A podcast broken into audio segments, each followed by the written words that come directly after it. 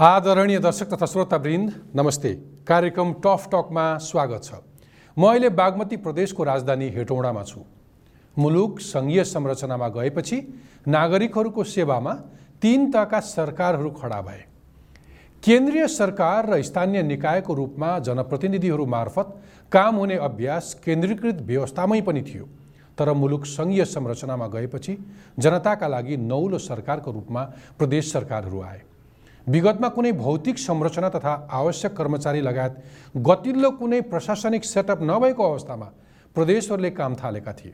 तिन वर्षको यो अवधिमा प्रदेश सरकारहरूले आफ्नो कानुनी संरचना सङ्गठनात्मक स्वरूप र केही भौतिक संरचनाहरू तयार गरेका छन्।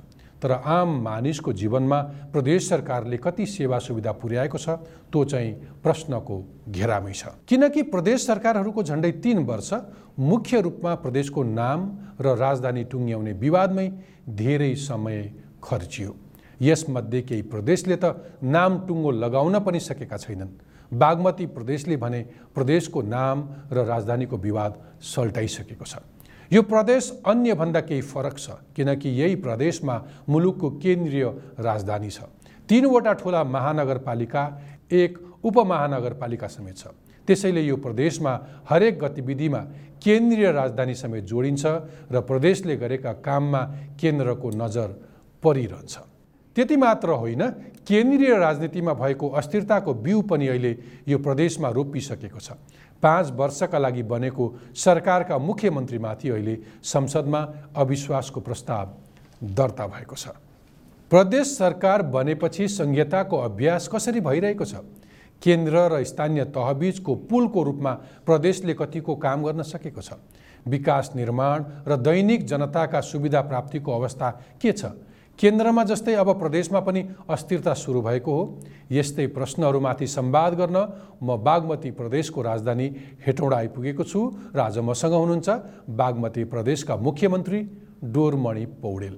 उहाँ विरुद्ध अविश्वासको प्रस्ताव दर्ता भएको अवस्थामा म उहाँसँग आज संवाद गर्दैछु। आउनुहोस् स्वागत गरौँ आजका मेरा अतिथि। प्रदेश नम्बर तिनका मुख्यमन्त्री डोरमणि पौडेललाई। मुख्यमन्त्रीज्यू टकटकमा स्वागत छ। धन्यवाद। यो माघको चौथो हप्ता तेस्रो वर्ष पुगेछ। हजुर।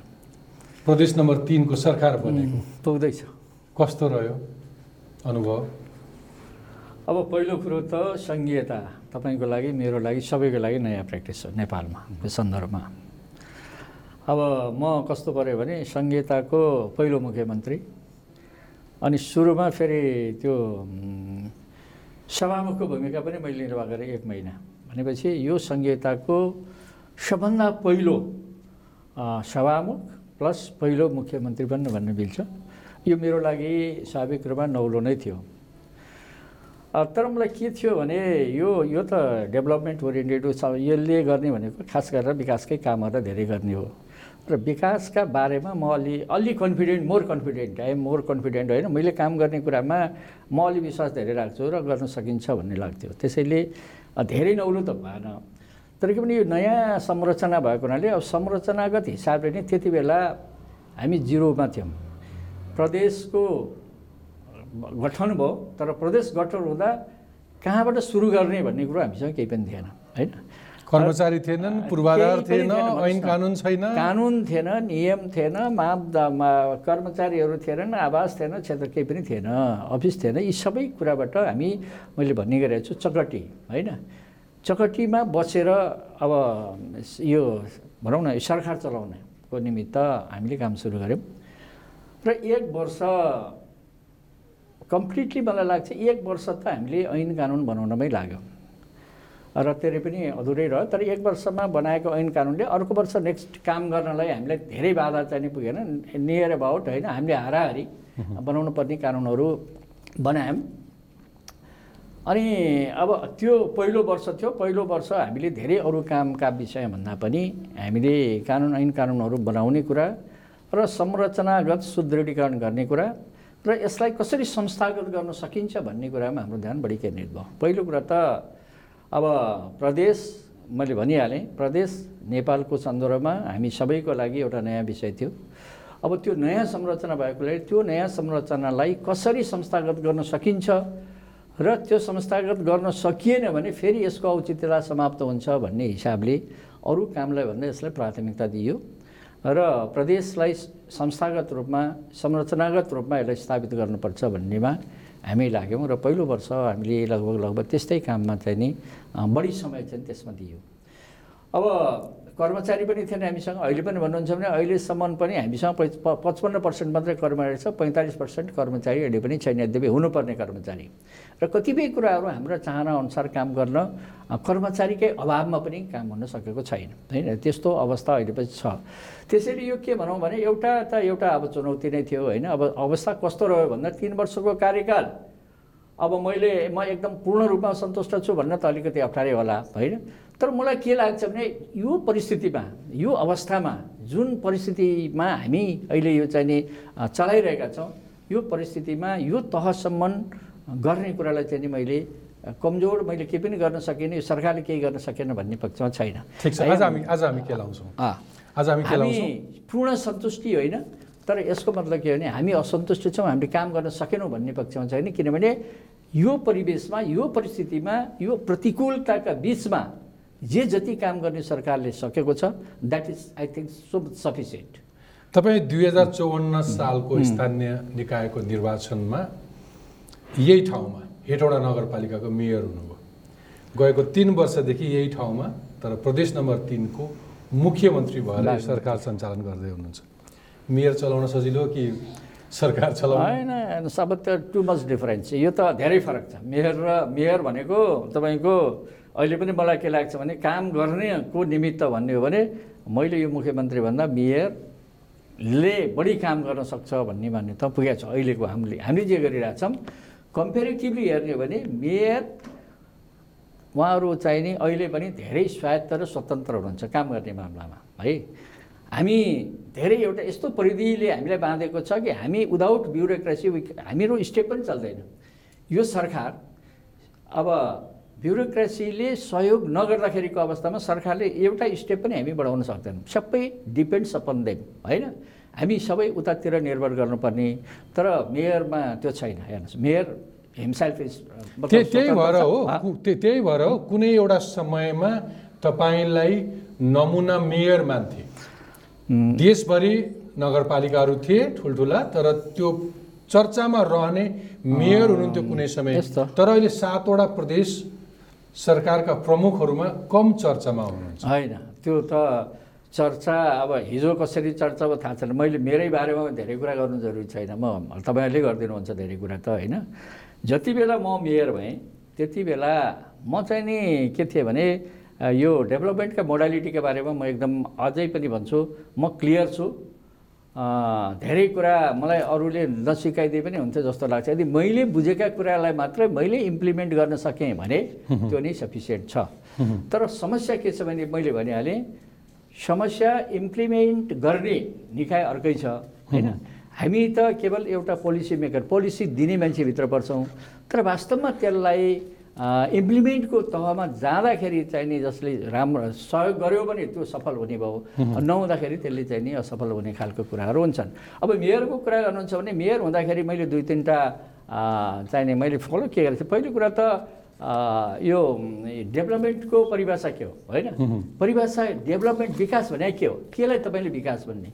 भन्ने कुराको बारेमा मेरो अलि फरक मत छ मेरो फरक मत भनेको मैले धेरै ठाउँमा नट ओन्ली नेपाल इभन मैले बाहिर गएर पनि विदेशमा गएर पनि मैले धेरै मेरो विषयमा चाहिँ नि मैले एउटा एक्सप्लेन व्याख्या गर्थेँ र मेरो डकुमेन्टहरू पेस गर्थेँ मेरो प्रेजेन्टेसन हुन्थ्यो र त्यति बेला पनि मैले के भन्थेँ भने परिभाषा हाम्रो बुझाइ के छ? तपाईँले देखेका भौतिक पूर्वाधारको निर्माण र विकास देख्नुभयो भने ए सक्सेस होइन? यो सफल हो र यसले राम्रो काम गर्यो भन्नुहुन्छ। तर म के भन्छु भने विकास केवल भौतिक पूर्वाधार मात्रै विकास होइन। भौतिक पूर्वाधारले मात्रै मान्छे सम्पन्न हुँदैन होइन? त्यसले गर्दा सँगसँगै भौतिक पूर्वाधार वान अफ द कम्पोनेन्ट एउटा कम्पोनेन्ट हो तर सबै कुरा चाहिँ नि त्यो होइन। त्यसका निम्ति सबै क्षेत्रको समग्र ढङ्गले सबैको समान ढङ्गले विकास हुनुपर्छ। मानवीय है मानवको सूचाङ्कले विकास त्यो म त्यतापट्टि जान्न तपाईँ। तपाईँ तपाईँ एउटा मेयर मैले कहाँनिर जोड्न खोजेको थिएँ भने एउटा सफल मेयर त्यसकारण तपाईँ आफैले पनि भन्नुभयो कि त्यो धेरै सजिलो छ त्यो इन्डिपेन्डेन्ट छ। त्यसो भए अब के लाउँ?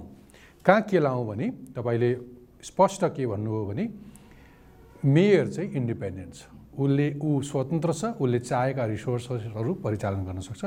जुन तपाईँ प्रदेश प्रमुख हुँदाखेरि गाह्रो थियो। मलाई एउटा कुरा भनिदिनुहोस्। संविधानले त प्रदेशलाई प्रशस्त अधिकार दिएको छ। तर तपाईँ प्रदेशमा बस्नेहरू चाहिँ त्यति हुँदाहुँदै पनि फेरि केन्द्रकै आदेश केन्द्रकै मुख ताकेर बस्नुभयो? अब यस्तो छ हेर्नुहोस्। अब म अब यो विषयमा धेरै साथीहरूले मलाई सोध्नुहुन्छ पत्रकार साथीहरूले सोध्नुहुन्छ है। अब स्पष्ट कुरा के हो भने यो प्रदेश भन्ने मैले पटक पटक भने यो आफैमा एउटा नयाँ सिस्टम हो नयाँ पद्धति हो।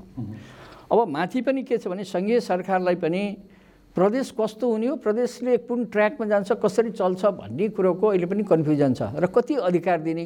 यो अधिकार दिँदाखेरि न सबै बर्बाद नै हुने हो कि भन्ने खालको फिलिङ्स पनि त्यहाँ छ। त्यसले गर्दाखेरि एउटा दुईवटा छन् त्यहाँ हेर्नुहोस् एउटा पोलिटिकल लेभलमा होइन पोलिटिसियनहरूमा पनि त्यो चाहिँ नि प्रदेशप्रतिको विश्वास होइन?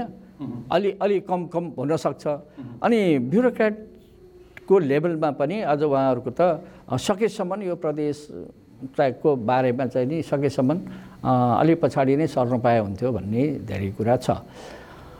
त्योभन्दा अझ स्पष्ट सिधा सिधा भन्दाखेरि प्रदेश सरकारहरू पनि प्रति प्रदेश सरकारप्रति होइन?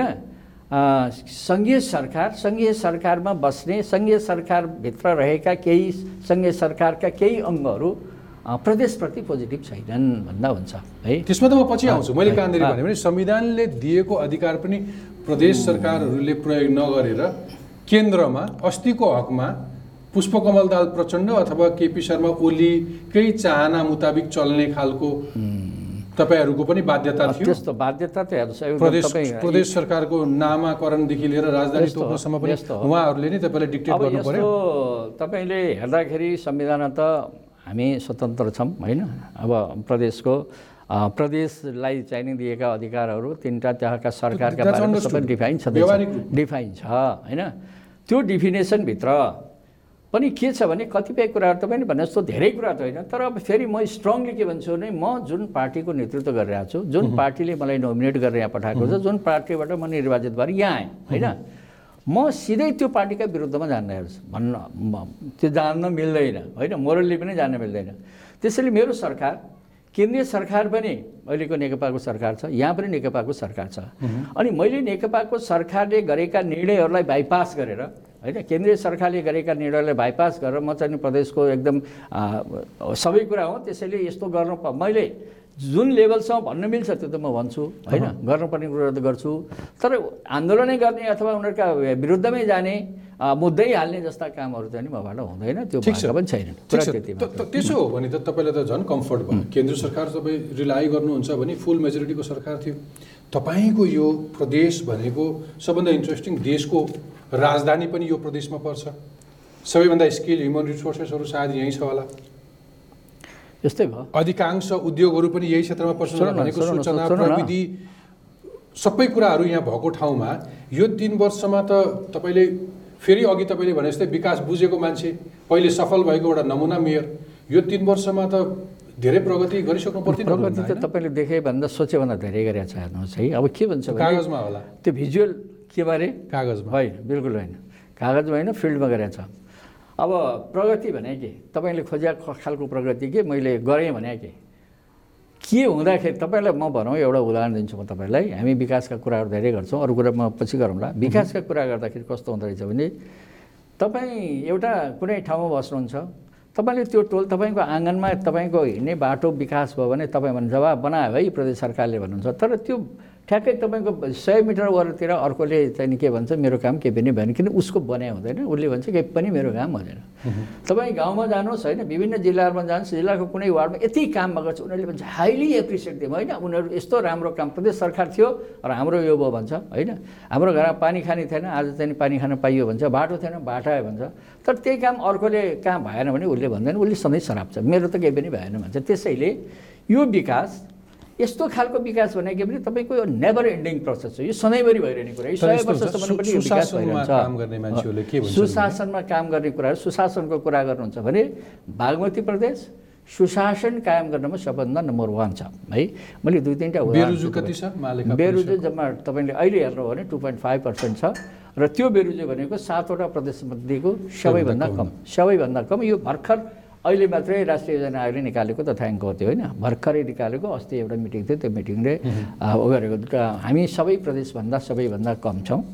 र त्यसपछि तपाईँको चाहिँ नि हामीले सुशासन केन्द्रको स्थापना गऱ्यौँ। स्थापना मात्रै गरौँ त्यसबाट व्यापक रूपमा हाम्रो कामको थालनी भइसकेको छ। त्यसपछि लोकसेवा आयोग थिएन थिए- को गठन गऱ्यौँ एक वर्ष अगाडि।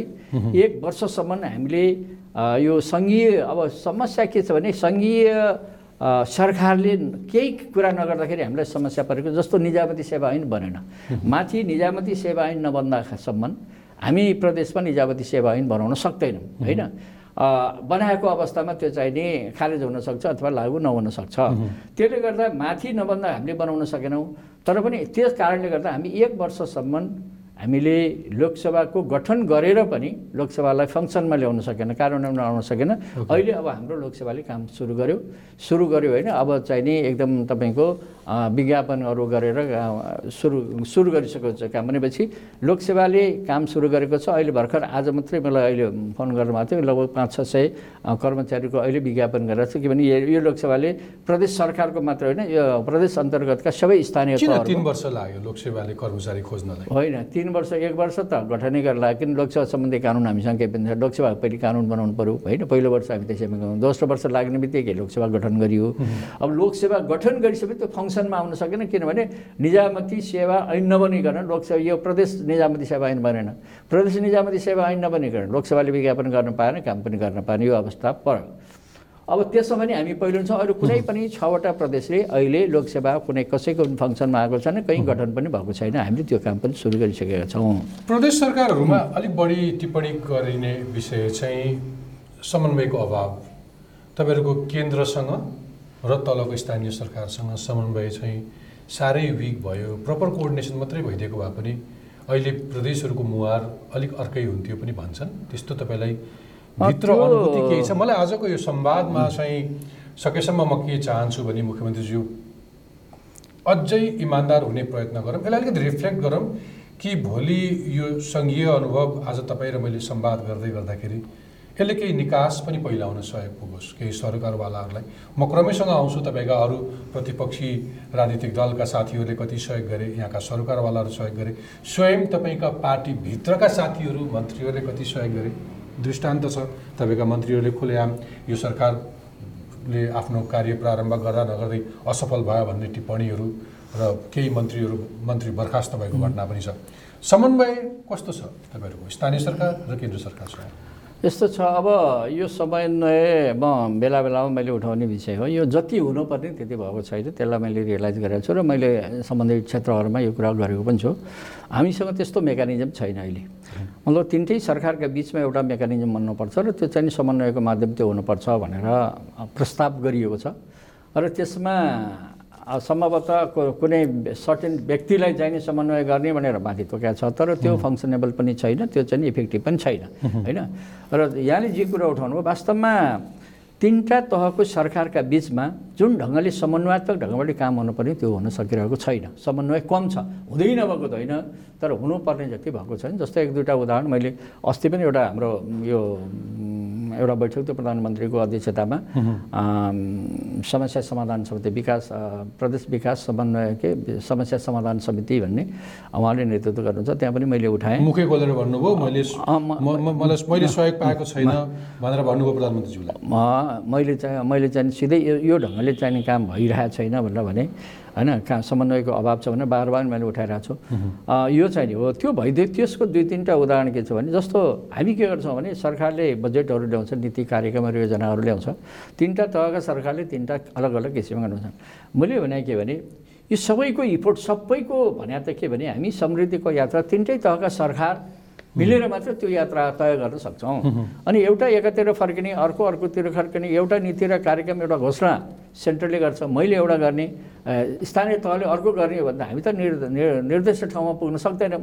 त्यसले गर्दा यस्तो हुनु हुँदैन जे हो हाम्रो टार्गेट आम सबैको एउटै उद्देश्य हुनुपर्छ एउटै लक्ष्य हुनुपर्छ एउटै गन्तव्य हुनुपर्छ। त्यो गन्तव्य पुग्नको निमित्त सबैतिरको इफोर्ट हुनुपर्छ प्रयत्न हुनुपर्छ। तब मात्रै हामी ठाउँमा पुग्छौँ भन्ने मेरो भनाइ हो। तर स्वयं प्रधानमन्त्री आफैले पनि प्रदेश सरकारहरूलाई यो एउटा इन्डिपेन्डेन्ट एउटा युनिट हो। यो यो यो यो चाहिँ केन्द्रीय सरकारको इकाइ होइन भन्ने कुरा आत्मसात गर्नुहुन्छ। उहाँ आफै पटक पटक यो केन्द्रीय सरकारकै एउटा युनिट हो भनेर दावी। गर्नुहुन्छ उहाँ आफूले त्यो अनुभूत गर्नुभएको छ अथवा यो छुट्टै सरकार हो भन्ने। मान्यता दिन सक्नु भएको छ। प्रधानमन्त्रीले मान्यता दिनुभएको छ नदिएको होइन तर उहाँलाई एक दुईवटा कुरा मैले पनि अब के भन्छु त्यो विषय तपाईँले जे उठाउनु भयो त्यो कुरा हामीले पटक पटक कुरा पनि उठायौँ सचेत गराउनु गएर कुरा गऱ्यौँ होइन तपाईँले जे भन्नुभयो यो चाहिँ अलिकति गलतै भयो यो होइन भन्दाखेरि उहाँले एउटा लजिक के दिनु भने अब हाम्रा केही चाहिने साथीहरू अथवा खास गरेर स्थानीय स्तरका केही मित्रहरूले के गरे गर्न खोज्नुभयो उहाँले भने हामी चाहिने सिंहदरबारको सरकारभन्दा हामी कुनै हकमा पनि कम छैनौँ भन्ने अभिव्यक्ति पनि उहाँले बेला बेला दिनुभयो। अनि उहाँले के गर्नु भने जस्तो तिर्नुपर्ने जस्तो प्रदेश सरकारलाई बुझाउनु पर्ने जुन एउटा ट्याक्स अथवा उनीहरूले जुन चाहिँ दिनुपर्ने हुन्छ त्यो नदिने हामीले किन दिन बाध्य हुन्छौँ? यो त हाम्रो हो भन्ने होइन? कतिपय कुराहरू कोर्डिनेसन हुनपर्ने कुरा नगर्ने र यो भित्र यति अहम बढ्यो कि मानौ अ, म चाहिँ नि म केपी ओली र मेरो बिचमा के भिन्नता छ केपी ओली पनि यो देशको प्रधानमन्त्री होइन म पनि यो गाउँको अथवा नगरको चाहिँ नि भर्खर झन्डै झन्डै प्रधानमन्त्री हो। भन्ने हिसाबले मान्छेले व्यवहार गर्न थाले खोजे अभिव्यक्ति दे हो त्यो अभिव्यक्तिको कुरा चाहिँ नि त्यो हो। उहाँले जे कुरा भन्नुभयो एउटा युनिट हो भनेर आखिर सरकार त हाम्रो एउटा हो नि त तर म फरक राख मत राखौँ कि त्यो मात्रै हो कि कि संविधानले दिएको अधिकार तपाईँहरूले प्रयोग गर्न पाउनु भएन। अथवा एउटा तपाईँसँग त एउटा स्वायत्त अधिकार छ नि। तपाईँ तपाईँ एउटा स्वायत्त संस्था हो नि। जस्तो दुई नम्बर प्रदेशबाट सर्वोच्च अदालत जानुपर्ने स्थिति आयो केन्द्र सरकारले हस्तक्षेप गरेपछि अथवा काम गर्न नदिएपछि एउटा मात्रै प्रदेश सरकार त्यो दुई नम्बर प्रदेश प्रदेश नम्बर दुई जो अदालतसम्म गुहार्न गयो त्यस्तो लाग्दैन तपाईँहरूलाई हातखुट्टा बाँधे जस्तो लाग्दैन केन्द्रले। आफ्नै पार्टी अध्यक्षका विरुद्धमा बोल्न अलिक असजिलो हुनसक्छ तर व्यवहारिक रूपमा त फेरि यो तपाईँको। आँगन हो नि हेटौँडा। तपाईँ अस्ति यहाँको मेयर। यस्तो छ हामी यस्ता कुरालाई व्यापक रूपमा सार्वजनिकरण गरेर होइन सरकारका आलोचना गर्ने सरकारले केही गरेन भन्न भन्ने पक्षमा पनि छैन त्यो गरे पनि होइन र मेरो चाहना पनि त्यो होइन मेरो चाहना संहिताको मर्म त्यसको मूल्य त्यसको मान्यता जे हो त्यसलाई पनि कसैले आघात नपुर्याओस् पार्टीका नाममा मर्मलाई आत्मसात गर्ने कुरा हेर्नुहोस् है संहिताको मर्मलाई आत्मसात गरेको होइन भन्ने कुरा होइन। मैले अघि पनि तपाईँलाई एक दुईवटा उदाहरण दिएँ। संहिताको मर्मलाई कतिपय यस्ता मान्छे छन् जो संहिताको विरुद्धमा पनि छन् त। संहितालाई खारिज गर्नुपर्छ भनेर अहिले पनि बोलिरहेको सार्वजनिक रूपमा भनिसकेन यो संहितालाई समाप्त पार्नुपर्छ भनेर त्यो त किन भन्ने। भयो भने तपाईँहरू यो प्रदेशको नाम राख्नलाई अथवा राजधानी किटान गर्नलाई बालुवाटारमै गएर बैठक बस्नुहुन्छ अनि प्रचण्ड र केपीले जे पनि जे भन्नुहुन्छ तपाईँ त्यही लागू गर्नुहुन्छ भने त्यो देखेपछि मान्छेले के भने भने पहिले पनि केन्द्र त्यो- सरकार र स्थानीय सरकार छँदै थियो यो प्रदेश म सरकारको त्यो मात्रका हात्ती किन पाल्ने मैले अघि पनि भने मैले अघि पनि भने त्यो हात्ती पालेर हात्तीले कति फाइदा गरेको छ भने पनि भनौँला अहिले।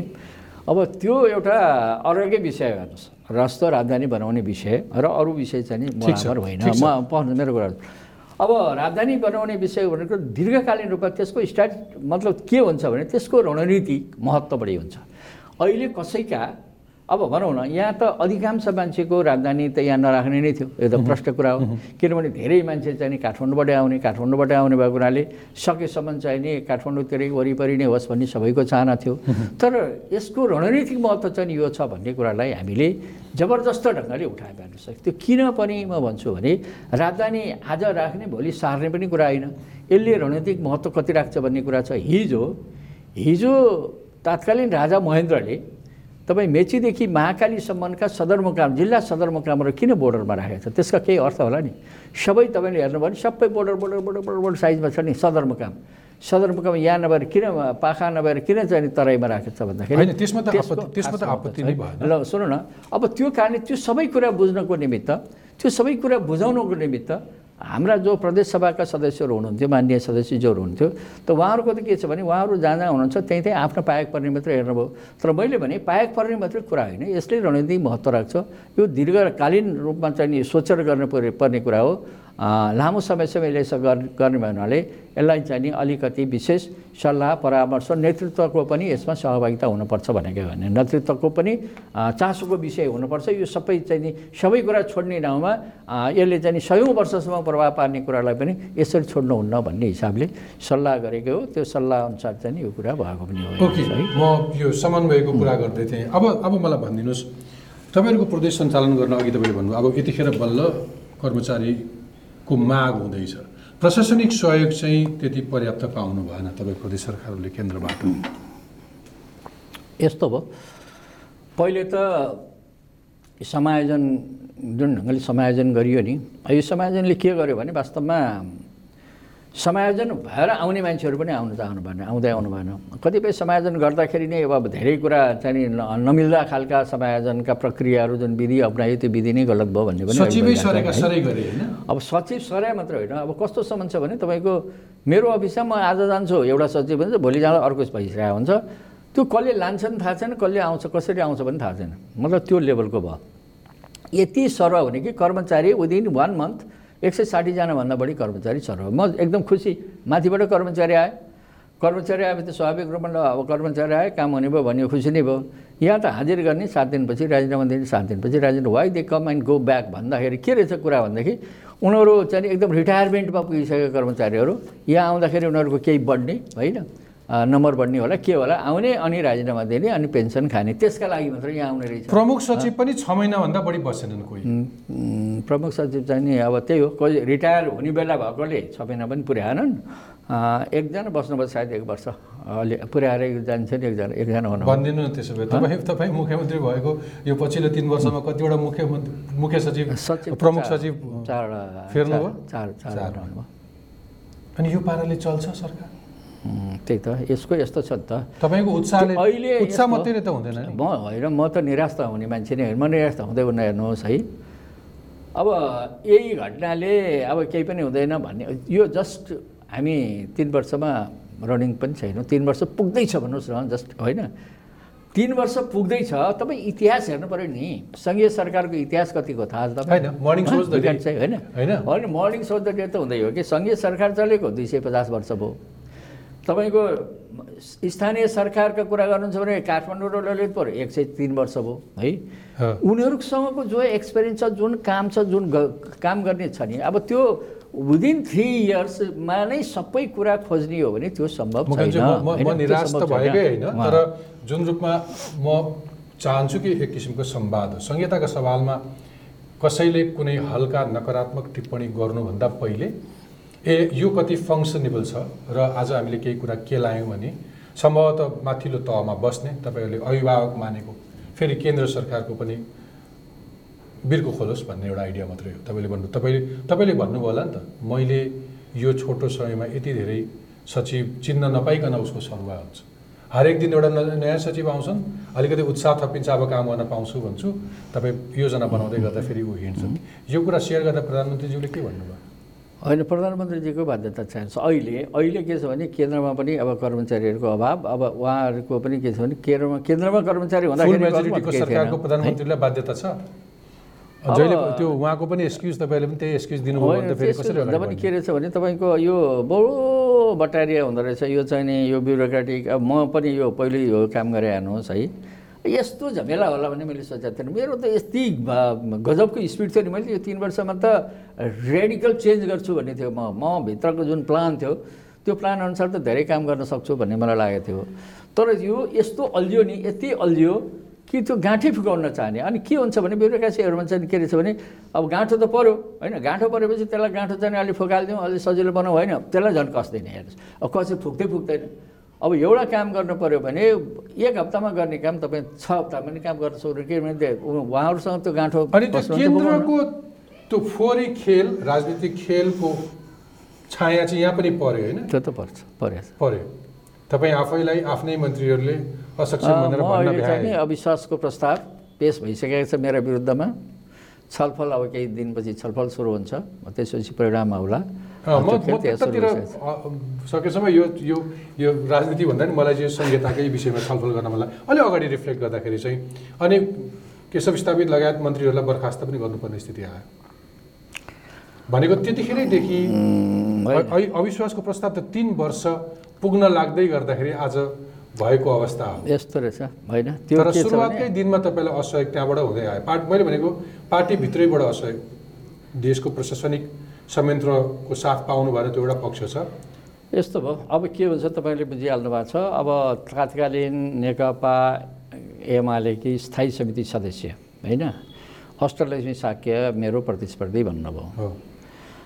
अब अब संसदीय दलको नेतामा उहाँको र मेरो बिचमा दस जम्मा चाहिँ नि चौतिस र चौबिस अन्ठाउन्न भोटमा चौतिस मैले ल्याएँ चौबिस मत उहाँले ल्याउनु भयो दस मतले उहाँ पराजित हुनुभयो।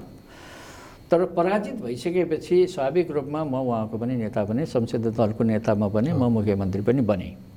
त त्यो कुरो उहाँका लागि अपाच्य भयो र उहाँले त्यसलाई कहिल्यै पनि त्यो महसुस गर्नु भने कि मैले यो पराजित भएँ म त्यसैले मैले पाँच वर्ष चाहिँ चुप लागेर बस्नुपर्छ भन्ने कुरा उहाँमा चाहिँ नि त्यो भएन। र डे वानदेखि नै कहिल्यै पनि उहाँको र मेरो बिचमा त्यो हार्दिकता सौहार्दता काम गर्ने कुराहरूमा रहन सकेन है। अब भयो के भन्नुहुन्छ भने उहाँ फेरि हाम्रो नेता पनि भन्नुभयो। प्रदेश कमिटीको इन्चार्ज पनि हुनुभयो। प्रदेश कमिटी मातहत नै सरकार चलाउनु प्रदेश कमिटीको मातहत भन्दा नि प्रदेश कमिटीको गाइड अथवा नीतिगत निर्णय प्रदेश कमिटीले गरेपछि त्यो भित्र रहेर गर्ने भन्ने स्वाभाविक रूपमा त्यो पार्टी सिस्टमभित्र चल्ने कुरा हो। अब त्यो बिचमा पनि उहाँको मेरो तालमेल मिलेन हेर्नुहोस् किनभने उहाँ मलाई डोमिनेट बढी गर्न खोज्नुहुन्थ्यो म्याक्सिमम् डोमिनेट गर्नुहुन्थ्यो। म म मैले डोमिनेट भएर बस्नुपर्ने मलाई जरुरत थिएन। हो उहाँ पार्टीको हिसाबले उहाँ नेता हो होइन? मभन्दा सिनियर हो मभन्दा पोर्टफोलियोमा मभन्दा माथि हो हरेक हिसाबले म मान्थेँ। तर सरकार त मेरो हो त्यो सरकारको हिसाबले त म उहाँले उहाँका निर्देशनमा म त सरकार चलाउन सक्दिनँ। किनभने उहाँ पराजित भएको मान्छे जो मसँग प्रतिस्पर्धा गर्नुहुन्थ्यो अनि उहाँले नै जे जे भन्यो त्यही त्यही गरेर उहाँको छाया भएर मैले काम गर्न सक्ने कुरा थिएन। मैले डे वानदेखि नै मैले इन्कार गरेँ म त्यो कुरा सम्भव छैन। तपाईँहरू पोलिसी दिनुहोस्। त्यो पोलिसी त्यो फ्रेमभित्र बसेर सरकार चलाउने हो। तर भनेपछि भनेपछि यसलाई यसरी रिफ्लेक्ट गरौँ कि राजनीतिक संस्कारमा अझै पनि परिवर्तन आएको छैन। छैन। त्यो केन्द्रको छाया प्रदेश सरकारमा पनि। त्यसको अर्थ के हो भने राजनीतिक समकक्षीहरूको तपाईँहरूले साथ पाइरहनु भएको छैन। त्यो त नपाएको कुरो अहिले त प्रष्टै भयो बागमती? प्रदेशको। बागमती प्रदेशको मैले त मैले भने सुरुवाती दिनदेखि डे वानदेखि मैले जुन खालको सहयोग पाउनु पर्थ्यो है म बरु प्रतिपक्षहरूसँग मेरो राम्रो सहकार्य छ। प्रतिपक्षले मलाई राम्रो सहयोग गर्नुहुन्छ होइन? आज पनि प्रतिपक्षहरूले राम्रो सहयोग गरिरहनु भएको छ। तर मेरो पार्टीभित्र मैले पहिलो दिनदेखि नै मैले पाउनुपर्ने सहयोग मैले पाएको थिइनँ। त्यो अनु प्रतिकूलताका बिचमा मैले जे मैले जे गरिरहेको छु त्यसैले म एकदम मोर ह्याप्पी छु। म खुसी छु किनभने त्यति खुसी भएर भन्ने। यहाँ यहाँ यहाँ ओभरअल यो। प्रदेशमा पर्ने आम नागरिकले अनुभूत गर्नु पर्यो। मैले मैले केलाउन खोजेँ। एउटा राजनीतिक संस्कार पार्टीभित्रबाट सहयोग भएन। अर्को केन्द्रले प्रशासनिक रूपमा पनि तपाईँलाई सहयोग भएन। समन्वयको पनि अभाव छ। अरू के के कुराहरू छ? अरू के के खोतलौँ स्रोत तपाईँहरूले तपाईँहरूले मागे जति स्रोत पाउनु भएको छ। स्रोत खर्च पाउनु भएको छ अनुदान? अब स्रोत त मागे जति भन्दाखेरि पनि स्रोत त अब तपाईँको भण्डारमा जे छ त्यसैलाई बाँड्ने हो होइन? हामीसँग नयाँ स्रोत कहाँबाट आउने होइन? तपाईँको हिजोको जुन स्रोत थियो त्यो स्रोतलाई बाँडफाँड गर्दाखेरि स्रोतसँग त्यति होस् किनभने हामीले त्यही स्रोतलाई त म्याक्सिमम् परिचालन गर्न सकेका छैनौँ खर्च गर्न सकिरहेको छैनौँ। भने मोर स्रोत मात्र भएर के गर्ने? मलाई एक खरब रुपियाँ दिएर म कामै गर्न सक्दिनँ मसँग जनशक्ति छैन होइन? त्यो मान्छे छैन भनेपछि स्रोत मात्रै थुपारेर भएन।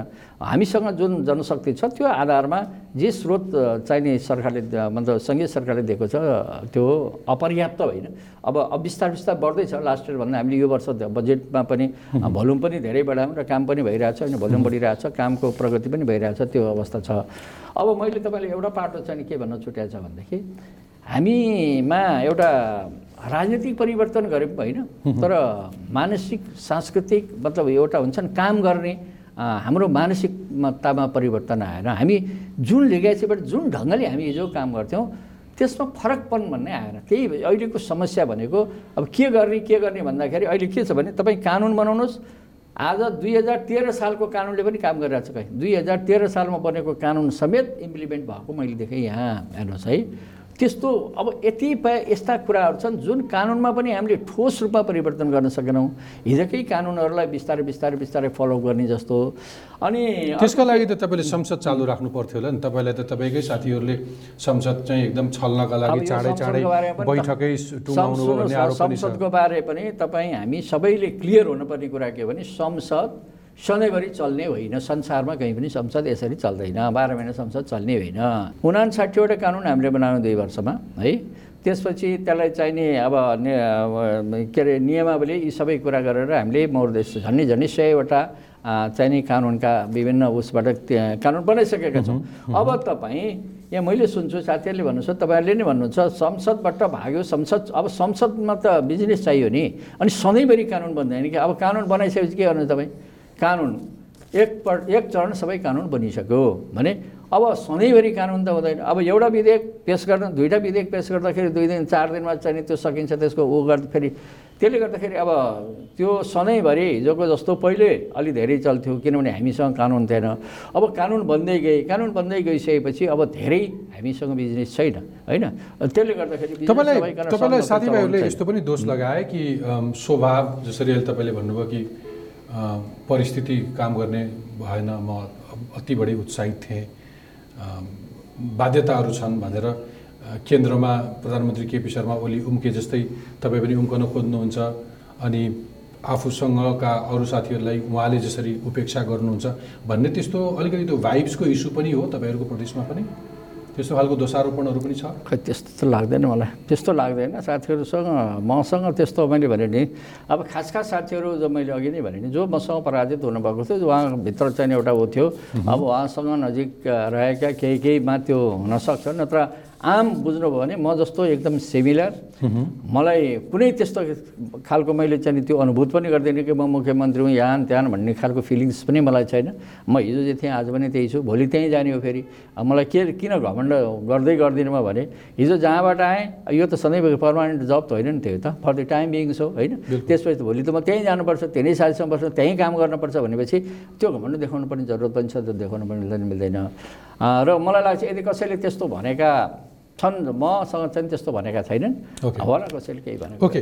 अब यो केन्द्रतिरको कुरा थियो अभिभावकले गरेको व्यवहार तपाईँले भन्नुभयो तपाईँ फेरि स्थानीय सरकारको अभिभावक other side of the coin त्यतातिरको समन्वय कस्तो छ स्थानीय सरकार स्थानीय सरकारसँग पनि जति हुनुपर्ने त्यति भएन है अब फेरि म के भने अब मलाई त मोस्ट अफ अल सबै स्थानीय सरकारहरूमा पनि एउटा अपेक्षा उहाँहरूसँग पनि थियो। म यहाँ मुख्यमन्त्री हुँदाखेरि धेरै अपेक्षा पनि राख्नु भएको थियो उहाँले। अब हामी धेरै कुरा गर्न सक्छौँ काम गर्न सक्छौँ भन्ने पनि थियो। कतिपयसँग धेरै चिनेका साथीहरू हुनुहुन्थ्यो। तर उहाँहरूसँग पनि काम गर्दाखेरि मैले अघि भने केही केही अपवाद बाहेक होइन केही केही अपवादमा रहनेहरूले चाहिँ नि अलिकति मैले अघि पनि भने उहाँले आफूलाई अलग अलगै अब ठान्नुभयो होइन। अब हिजोको मेयर होइन आजको मेयर फरक हो। हिजो गाविसको अध्यक्ष थियो आज गाउँपालिकाको अध्यक्ष। हिजो सरकार थिएन आज सरकारको प्रमुख छ। होइन सात सय त्यो उन्नाइसवटा त हाम्रो सरकार त छँदैछन्। भनेपछि त्यो ढङ्गले मान्छेलाई बुझ्ने भयो। अब स्थानीय सरकारसँग पनि मैले कोअर्डिनेसन चाहिँ नि मैले गर्दैछु होइन। म आफै गरिरहेको छु अ, तर जति हुनु पर्थ्यो त्यति चाहिँ नि नभएको हो यस्तो भयो यस्तो भयो त्यहाँ दुई। खालको दुई खालको क्यारेक्टर दुई? खालको क्यारेक्टर देखियो त्यहाँ होइन त्यो हामीले त नियन्त्रण गर्ने त हामीसँग केही पनि छँदैन छैन होइन नियन्त्रण हामी गर्दा पनि गर्दैनौँ तर एउटा कुरा के भनेको छ भने उहाँहरूले पनि आफू अनुशासनमा बस्नु पऱ्यो मेरो दायित्व कति बुझ्नु के पऱ्यो भने तिन तहका सरकारका सबै सरकारका कामहरू त डिफाइन गरिदिएको छ नि। तैँले यो काम गर्ने यो तहको सरकारले यो काम गर्ने संविधानले डिफाइन गरेको छ। त्यसलाई कानुनले चाहिँ बनाएको छ भनेपछि अब त्यो आफआफ्नो कामको डेफिनेसन आफूसँग छ होइन? त्यो परिधिभित्र रहेर सबैले काम गर्दै कुरा सकिन्छ। अब त्यहाँ पनि के हुन्छ भने कानुन बनाउने बेला उहाँले कानुन बनाउनु छ हामीसँग कोर्डिनेसन गर्नुहुन्न। अब कानुन के छ भने तपाईँको मतलब एकल अधिकार प्रदेशले अथवा स्थानीय सरकारले मात्रै बनाउने एउटा कानुन बल्ल स्थानीय सरकार र प्रदेश सरकारको बिचमा होइन दुईवटाको साझा अधिकारका कुराहरू छन् त्यो साझा अधिकारको कानुन बनाउन त साझा सहमति हुनु पऱ्यो नि अब प्र केन्द्रसँग पनि हाम्रो त्यही। केन्द्र र प्रदेश सरकारको बिचको साझा अधिकार भनेर जुन तोकिया छ साझा अधिकारको कानुन बनाउन त साझा ढङ्गले नै बहस छलफल गरेर त्यो बनाउनु पर्थ्यो त्यो भइरहेको छैन। स्थानीय तहको त्यही हालत होला अनि यो तिनवटा टायर जुन तिन तह छ होइन। त्यस्तो मैले तपाईँले भने जस्तो ठुलो ग्याप मैले भनिहालेँ। म सामान्यतया जति हुनुपर्ने त्यति चाहिँ भइरहेको छैन होइन? तपाईँले अघि भन्नुभयो म म हो यो स्थानीय तहहरूको चाहिँ नि एक सय उन्नाइसवटा प्रदेशका हाम्रा पालिकाहरू छन् होइन? एक सय उन्नाइसवटै पालिकाहरूको गार्जियनसिप मैले लिनुपर्छ लिने हो। होइन म बिल्कुल लिनेछु। र मैले उहाँसँग हुनुपर्ने अब यो फेरि यो के भने यो यो वर्षको यो चाहिँ यो कोभिडले पनि हामीलाई धेरै चाहिँ ह्याम्पर गरेर उहाँहरूसँग धेरै बहस छलफल हाम्रो एउटा समन्वय समिति समन्वय समितिमा बहस हुन्थ्यो छलफल हुन्थ्यो उहाँको समस्याहरू राख्नुहुन्थ्यो हामी त्यसलाई चाहिँ ब्रिफ गर्थ्यौँ। अब यसपालि त्यो पनि गर्न सकेन। यो धेरै अब हामी चाहिँ झन्डै झन्डै चार सयको भेला हुन्थ्यो। होइन त्यसले गर्दाखेरि त्यो गर्न सकेन। अलिकति ग्याप झन्डै आठ नौ महिना दस महिना यो ग्याप भयो।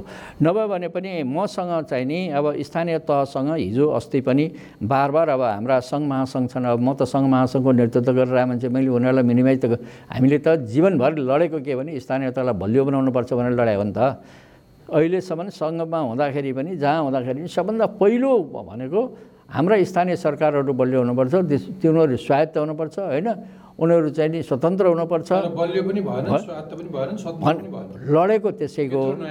तर अब कानुन त त हेर्नुहोस् हिजो केही पनि नहुनेहरू आज त्यत्रो संविधान प्रदत्त अधिकार लिएर संविधान कानुन बनाउने समेत अधिकार पाएको छ कुरालाई चाहिँ नगार्न सकिँदैन है? कानुन बनाउने अधिकार छ धेरै कुरा पाएको छ पाउँदै नपाएको छैन। तर अझै पनि अझै पनि जति हुनुपर्ने हो यो अब अघि फेरि यहाँ अलि कता कता टुट्यो लाइन। हामीले संहिताको मर्मको कुरा गर्छौँ नि। संहिता के हो र संहिता कसका लागि भन्ने कुरालाई अलि अझै परिभाषित हुन सकेन जस्तो लाग्छ मलाई। संहिता के का लागि संहिता? संहिता नहुने पनि त हुनुको त धेरै छन् होइन? यो हाम्रा भन्दा त धेरै राम्रोसँग चलिरहेको छन् भनेपछि हामीले संहिता किन लिएर आयौँ कसका लागि लिएर आयौँ केका लागि लिएर आयौँ होइन? अब त्यो संहिताको वास्तविक मर्ममा हामी पस्यौँ कि पसेनौँ? संहितालाई हामीले आत्मसात गऱ्यौँ कि गरौँ समस्या चाहिँ त्यही छ हेर्नुहोस् ककलले गरेन। हँ? ककलले गरे ककल तपाईँले गर्नु भएन मैले पनि गरेको होइन धेरैले गरेका छन्। माथि मुहानबाटै सुरु गऱ्यो भने प्रधानमन्त्री स्वयंले गर्नु भएन। अब म प्रधानमन्त्रीलाई दोष दिन सक्दैन। म प्रधानमन्त्रीलाई त दोष दिन्न हेर्नुहोस् है। त्यसरी दोष पनि दिन्न अब त्यो मैले बुझाए पनि छ आत्मसातै। तर धेरै भए त्यस्ता मान्छे जसले संहितालाई आत्मसात गर्न सकेका छैनन्। त्यो समस्या चाहिँ छ। चाहिँ राम्रो कुशल अभ्यास गर्न नसकेपछि त अरूले प्रश्न गर्न पाए नि होइन? मजाले पाएँ प्रश्न गर्न पाएँ। मैले त्यो किन भनिरहेको छु भने म आफैले पनि आफूलाई किन भनिरहेको छु भने वास्तवमा संहिता ल्याउन खोजे के त? संहिताले दिन खोजे चाहिँ के थियो त? भन्दाखेरि त्यो दिने कुरामा त हामी त्यति सफल भइरहेको छैनौँ नि त अहिले। जे कुरा दिन खोजिरहेको थियो जसका लागि संहिता चाहिएको थियो होइन? जनताका बिचमा सबैभन्दा सेवा र सुविधा चाहिँ पुर्याउने पहुँच पुर्याउने जन सरकार र जनताको बिचको पहुँच पुर्याउने नजिक हुने होइन? हिजो चाहिँ नि धेरै लामो दुई अढाई सय वर्षसम्म चलेको एकात्मक सरकारले पुरा गर्न सकेन। त्यो चाहिँ नि अब सङ्घीय सरकारले यो सरकारले काम गर्छ होइन? गर्नुपर्छ। सरकार नजिकको हुन्छ। हामीले हिजो के भन्यौँ त हामीले? होइन? सिंहदरबार घर घरमा सिंहदरबार ल्याउँछौँ भन्यो होइन? घर घरमा फेरि मौका दिन्छु। नि अस्ति आफै एउटा स्थानीय सरकारलाई सफल ढङ्गले प्रतिनिधित्व गरेर आउनुभएको मेयर जसलाई नमुना मेयर भन्थे तपाईँले हेटौडामा गरेको केही सुधारहरू विकासहरू सबैले तारिफ गरेको। त्यो स्थानीय सरकारबाट आज तपाईँ प्रदेश प्रमुख हुनुहुन्छ। तपाईँको गुनासो फेरि रह्यो कि हामी कसैले पनि यो संहिताको मर्म बुझेनौँ? जानेर या नजानेर? कति नियतले इमान्दार हुन सकेनन् होला कतिले इमान्दार बन्छु भन्दा- भन्दाखेरि वातावरण पाएनन् तपाईँले आज फिल गरेको रिफ्लेक्ट गरेको कुरा चाहिँ पोइन्टमा भन्दाखेरि के आवश्यक छ? यस्तो हो। त्यो मैले भन्न खोजेको कुरा चाहिँ के हो भने हामीले सङ्घीयता लिएर आयौँ होइन परिवर्तन गऱ्यौँ राजनीतिक परिवर्तन धेरै गऱ्यौँ तर त्यो राजनीतिक परिवर्तन सँगसँगै आफूलाई परिवर्तन गर्न सकेनौँ that is the lacking lacking चाहिँ के हो भने मैले मलाई परिवर्तन गर्न सकिनँ भने अनि यो ठुलो राजनीतिक परिवर्तनले मलाई के दियो त केही पनि दिन सकेन अरूलाई के दिन सक्ने भने चाहिँ त्यो सँगसँगै हामीले आफूलाई परिवर्तन गर्न सकेनौँ हामीले सिस्टम राजनीतिक सिस्टम परिवर्तन गऱ्यौँ काम गर्ने शैलीमा परिवर्तन गरेनौँ मैले भन्न खोजेको त्यो काम गर्ने शैली यथावत रह्यो हाम्रो मोडालिटी यथावत रह्यो जहाँबाट हामी जसरी हामी हिजो काम गर्थ्यौँ त्यसलाई परम्परागत रूपमा त्यसलाई थेग्ने भन्दा बढी कुनै नयाँ काम गर्ने वातावरण बनेको छैन। नयाँ काम हामीले हाम्रा नयाँ कानुनहरू अब तपाईँको तपाईँले पुष्टि पनि गर्न सक्नु भएन प्रदेश सरकार चाहिन्छ भनेर पुष्टि पनि गर्न सक्नु भएन अब अब मान्छेले यति हल्का रूपमा टिप्पणी गर्न थाले कि तल स्थानीय सरकार र माथि केन्द्र भए पुग्छ यो बिचको खर्चै नगर पनि भन्न थाले। अब त्यो चाहिँ नि हेर्नुहोस् त्यो अब मैले भने नि अब यो दुई तिन वर्षको बिचमा यो सबै कुरालाई चाहिँ नि अब निर्णयमा पुग्ने यस्तो छैन उस्तो छैन भन्ने अहिले अहिले तपाईँ प्रदेश सरकारले गरेका कामहरू प्रत्येक गाउँपालिकामा जानुहोस् एक सय उन्नाइसवटा गाउँपालिकामा नगरपालिकामा जानु भने मस्ट अफ अल तपाईँले देख्नुहुन्छ त्यहाँ हरेक काम गरेको कसले भन्यो भने प्रदेश सरकारले भन्छ। प्रदेश सरकारले गरेका काम प्रत्येक गाउँ गाउँमा घर घरमा पुगेका छन्। त्यसले त्यो अनुभूति गरेको छ। सडक लगाएको छ तपाईँको एक घर एक धारा हामीले अभियान गरेका छौँ। खानेपानीबाट कोही वञ्चित हुनु हुँदैन सडकको एक्सेस सबै ठाउँ पुग पुग्नै पर्छ भनेका छौँ। शिक्षाबाट मान्छे चाहिँ वञ्चित हुनु हुँदैन भनेका छौँ। होइन त्यसपछिका अतिरिक्त अरू सामाजिक क्रियाकलापदेखि लिएर सबै काम अहिले तपाईँ हेर्नुहोस् विद्यालयहरूको विद्यालयहरूको सुदृढीकरण भएको छ। आज हस्पिटल हेर्नुहोस् आज म ग्यारेन्टी दिन्छु। आज यो प्रदेश सरकारले चलाएका हस्पिटलहरूमा भक्तपुर मेरो मूल्याङ्कन होइन सरकारको मूल्याङ्कनमा सबैभन्दा नम्बर एक। नम्बर एक हस्पिटल आज नेपालभरिको उत्कृष्ट हस्पिटल भनेर भक्तपुर गरेका छ जो हामीले चलाइरहेका छौँ। हामी अहिले कहीँ केही नभएका अस्पतालहरूलाई साधन स्रोत सम्पन्न बनाएका छौँ। त्यहाँ अब कुनै मान्छे मलाई लाग्छ कुनै जिल्लाबाट मान्छे बाहिर जानु पर्दैन। आइसियुको बेडहरू हामीले सबै लगभग धेरै अस्पतालमा पुर्याएका छौँ। त्यो सबै सबै सेवा उपलब्ध भएकै ठाउँतिर परेछ। यतातिर छर्नु भएको भए अझ राम्रो हुन्थ्यो कि? त्यस्ता खालका विकासका कार्यक्रमहरू। कता? त्यो काठमाडौँ खाल्डोभन्दा बाहिर पनि निक्लिन सकिन्थ्यो होला। यो बाहिर निक्लेछ। निक्लेछ। अहिले हेटौँडामा भन्नु भने हेटौँडा पचास बेडको हस्पिटललाई हामीले तिन सय बेडको हस्पिटल बनाइदिन्छौँ। यहाँ मेडिकल कलेज हामी खोल्दैछौँ। होइन सुरु नै भइसकेको छ। संरचना आन्तरिक स्रोत भन्नाले तपाईँको अब हामीलाई खास खास स्रोत भनेको एउटा यातायातबाट आउँछ। है एउटा यो ढुङ्गा गिटी बालुवा आदि यिनीहरूबाट चाहिने आउँछ। त्यो पनि भागवण्डमा पर्ने हो हाम्रो। हाम्रो आफ्नो निजी हामीले पैसा उठाउने होइन। हाम्रो यातायातको पैसा चाहिँ हाम्रो पैसा हो। र बाँकी पैसा केही पैसा स्थानीय सरकारले उठाउँछ हामीलाई सेयरको रूपमा फोर्टी पर्सेन्ट हाम्रो सिक्सटी पर्सेन्ट उनीहरूको हुन्छ होइन? त्यस्तै त्यस्तै मात्र हो हामी आफ्नो त्यो त अब त्यही छैन। अहिले अब हामीसँग त्यस्तो नयाँ नयाँ स्रोत हामीसँग छैन। नयाँ स्रोत छैन अब त्यो त कानुनले उठाउन पर्ने कुरा हो। अब त्यो सबैलाई अब यसलाई व्यवस्थित गरेर अब स्रोतलाई चाहिँ नि पहिचान गर्ने कुराहरू चाहिँ छन्। अनि अहिलेसम्म प्रदेशले प्रहरी आफ्नो हातमा पार्न सकेका छैन। त्यसका। लागि त्यसका लागि। अब अब यस्ता अब प्रहरी ऐन चाहिँ नि अब बनिसकेको छ हाम्रो पास पनि भइसक्यो होइन तर माथि समायोजनको काम कम्प्लिट भएन समायोजनको काम चाहिँ नि कम्प्लिट नहुँदाखेरि हाम्रो इम्प्लिमेन्टमा प्रहरी ऐन भइसकेको छैन तर हामी के कुरा विश्वस्त छौँ भने अहिले पनि प्रहरी ऐन हामीलाई हस्तान्तरण नगर्दा नगर्दै पनि प्रहरीहरूको स्ट्रेन्थिङको लागि चाहिँ हामीले धेरै काम गरेका छौँ। प्रहरीका भवनहरू बनाइदिएका छौँ। सत्तालिसवटा चाहिँ ठुला ठुला राम्रा भवनहरू बनाएको छौँ। अझ बत्तिसवटा भवनको हामीले टेन्डरमा गइरहेका छौँ भनेपछि अब हामीलाई का मातहत बनाए पनि भोलि यो सरकारको प्रहरी हो होइन? सङ्घीय सरकार भए पनि प्र- प्रदेश सरकार भए पनि उनीहरूको जुन ढङ्गले चाहिँ एउटा बस्ने पनि व्यवस्था छैन एउटा चौकी पनि छैन त्यो अवस्थाबाट राख्नु हुँदैन भनेर उनीहरूलाई साधन स्रोत सम्पन्न बनाउनुपर्छ भनेर उनीहरूले काम गरेका छौँ। तर प्रदेश प्रहरीको अब समायोजनको प्रक्रिया लगभग लगभग लगभग मलाई लाग्छ अब टुङ्गिसकेको छ टुङ्गिने बेला भइसकेको छ। त्यो हुने बित्तिकै हामी चाहिँ नि अब त्यो अनुसार जान्छौँ। ओके। हामीले आफ्नो काम गरिसकेका छौँ ऐन। बनाएर। ओके। अब अब अब प्रोग्रामलाई बिट मारौँ। म अझै एउटा सकारात्मक निकास खोज्न खोज्छु यो कार्यक्रम मार्फत। आजसम्म भएका असजिलाहरू तपाईँले जुन भन्नुभयो नि केन्द्रसँगको अझै पनि समन्वयको अभाव प्रशासनिक सहयोगको अभाव। तल्लो स्थानीय तहलाई फर्केर राखेर त्यहाँनिर पनि संहिताको बुझाइको अभाव। जसरी तपाईँको माथिसँग राम्रो स्मुथ रिलेसन छैन अथवा कोअर्डिनेसन छैन त्यस्तै तल पनि देखियो यी समस्या छन्। तपाईँसँग आजसम्म प्रहरी ऐन छैन। त्यो पनि बाटो पर्खेर बसिरहनु भएको छ जसका कारणले धेरै मान्छेलाई यो बिचको प्रदेश सरकार नै आवश्यक छैन भन्नेहरूलाई बल पुगिरहेको छ। तपाईँको लर्निङ्सहरू के के छ? रेकमेन्डेसन्सहरू के के छ? केन्द्र सरकारलाई तपाईँका रेकमेन्डेसन्सहरू सुन्न मन लाग्छ। यस्तो हो। फेरि अब यो एउटै कुरा दोहोरिन्छ है। मैले के भन्छु भने नि अहिले प्रदेश सरकार बनेको तिन वर्ष भयो। फेरि पनि म भन्छु। टाइम सफिसियन्ट यो लामो लामो अवधिसम्म काम गरेका सरकारहरू अघि नै मैले भने सयौँ वर्ष काम गरेको प्र्याक्टिस र तिन वर्षको प्र्याक्टिस एउटा जन्मिँदा जन्मिँदैको बच्चोबाट धेरै कुरा एक्स एक्सपेक्टेसन गर्नु त्यो कति फाइदा जायज हुन्छ कि त्यो? त्यो होइन अहिले उसले विकास गर्न नसक्ने त्यो बजेटै खर्च गर्न नसक्ने सिको ठ्याक्कै यहाँ पनि यहीँ। त्यो सिको होइन त्यसलाई त सिको भन्न मिलेन। अब के भनेर भन्नुहुन्छ भने नि भ्रष्टाचारको कुरा गर्नुहुन्छ भने मैले भने बागमती प्रदेश नै यस्तो प्रदेश हो। अहिले तपाईँ कम्पेरिटिभली हेर्नुहुन्छ भने हामी सबैभन्दा सुशासन दिने प्रदेशभित्र हामी पर्छौँ। भ्यालुएसन इभ्यालुएसन गर्दाखेरि नम्बर एक होइन? हाम्रो सबैभन्दा सबल पक्ष त्यो हो। हाम्रो जुन नारा हो सुशासन र समृद्धिका नारा हो त्यो यात्रामा हामी सफल छौँ हुँदैछौँ होइन? अब समृद्धिका कुरा गर्नु छ भने नयाँ नयाँ योजनाहरू पनि छन् हामीसँग। हामीसँग पुराना मात्र कुरा होइन। विकासका कुरा मात्रै गर्दाखेरि बाटो बनाउने ढल बनाउने मात्रै कुरा होइन। मैले अघि भने नि मान्छेको इकोनोमिकलाई चाहिँ प्रभाव पार्ने होइन आर्थिक वृद्धि गर्ने आयात निर्यातलाई चाहिँ प्रतिस्थापन गर्ने आयातलाई प्रतिस्थापन गर्ने यो मूल उद्देश्य भनेर त त्यो हो नि मानवीय सूचाङ्कमा चाहिँ उसको स्तर चाहिँ वृद्धि गर्ने यी सबै कुरामा पनि प्रदेश बागमती प्रदेश सफल छ।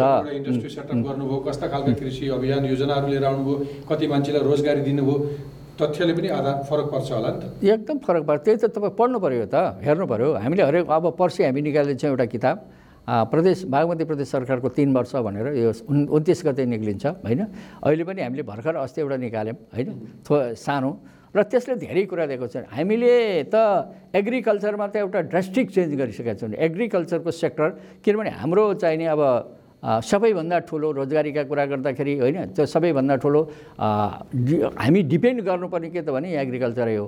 त्योभन्दा बाहेक कुरो छैन। म पहिलो त त्यसैलाई बढाउनुपर्छ भनेर हामीले अब ठुला ठुला योजनाहरू त्यसमा समावेश गरेका छौँ होइन? तपाईँ तिन अरब रुपियाँ अहिले हामीले बेरोजगारहरूलाई विदेशबाट आउने होइन?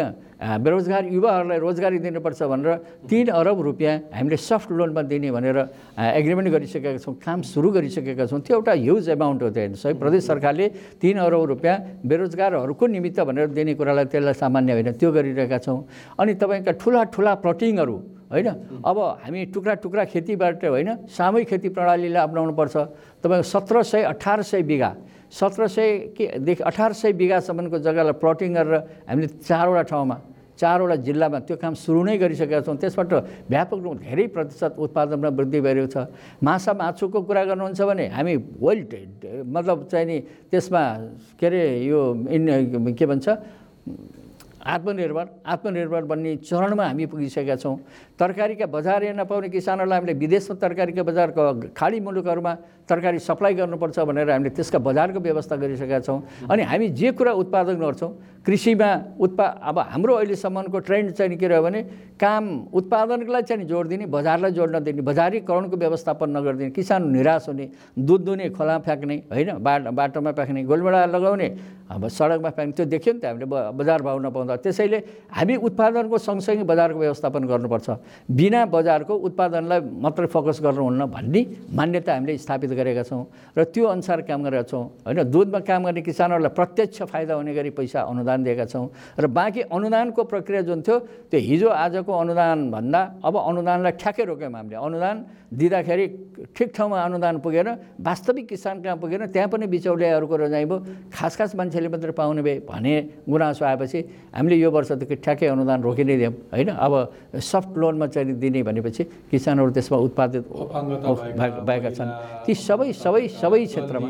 बहिष्कृत पिछडिएका वर्गहरूलाई कसरी समेट्नु भएको छ? अब उहाँहरूलाई चाहिँ अब ठ्याक्कै कसरी समेट्नु भएको छ भन्दा पनि उहाँहरूको हकमा हामीले के कति गर्न सक्छौँ जस्तो चाहिँ अब यो चाहिँ सडक सडकमा सडक सडक सहयोगापेक्षी मानवमुक्त भनेर हेटौँडाबाट सुरु गरेर हेटौँडैबाट सुरु गरेको त्यो अभियान हो आज देशव्यापी त्यो अभियान चलाएको छ त्यसमा चाहिँ राष्ट्रले चाहिँ अब सम्बोधन गरिसकेको छ र हामीले अब सडकमा तपाईँ कुनै पनि मान्छे सडकमा पाउनुहुन्न कुनै खान नपाएर बेरोजगार मान्छेहरू पाउनुहुन्न खान नपाएर बसेका मान्छे पाउनुहुन्न मानसिक सन्तुलन गुमाएका मान्छेहरू सडकमा पाउनुहुन्न सडक बालबालिकाको ना अहिले तपाईँ जानु भने दुईवटा यस्ता अर्गनाइजेसन छन् यहाँ यहाँ र देशभरि हामीले त्यसलाई बढाइरहेका छौँ।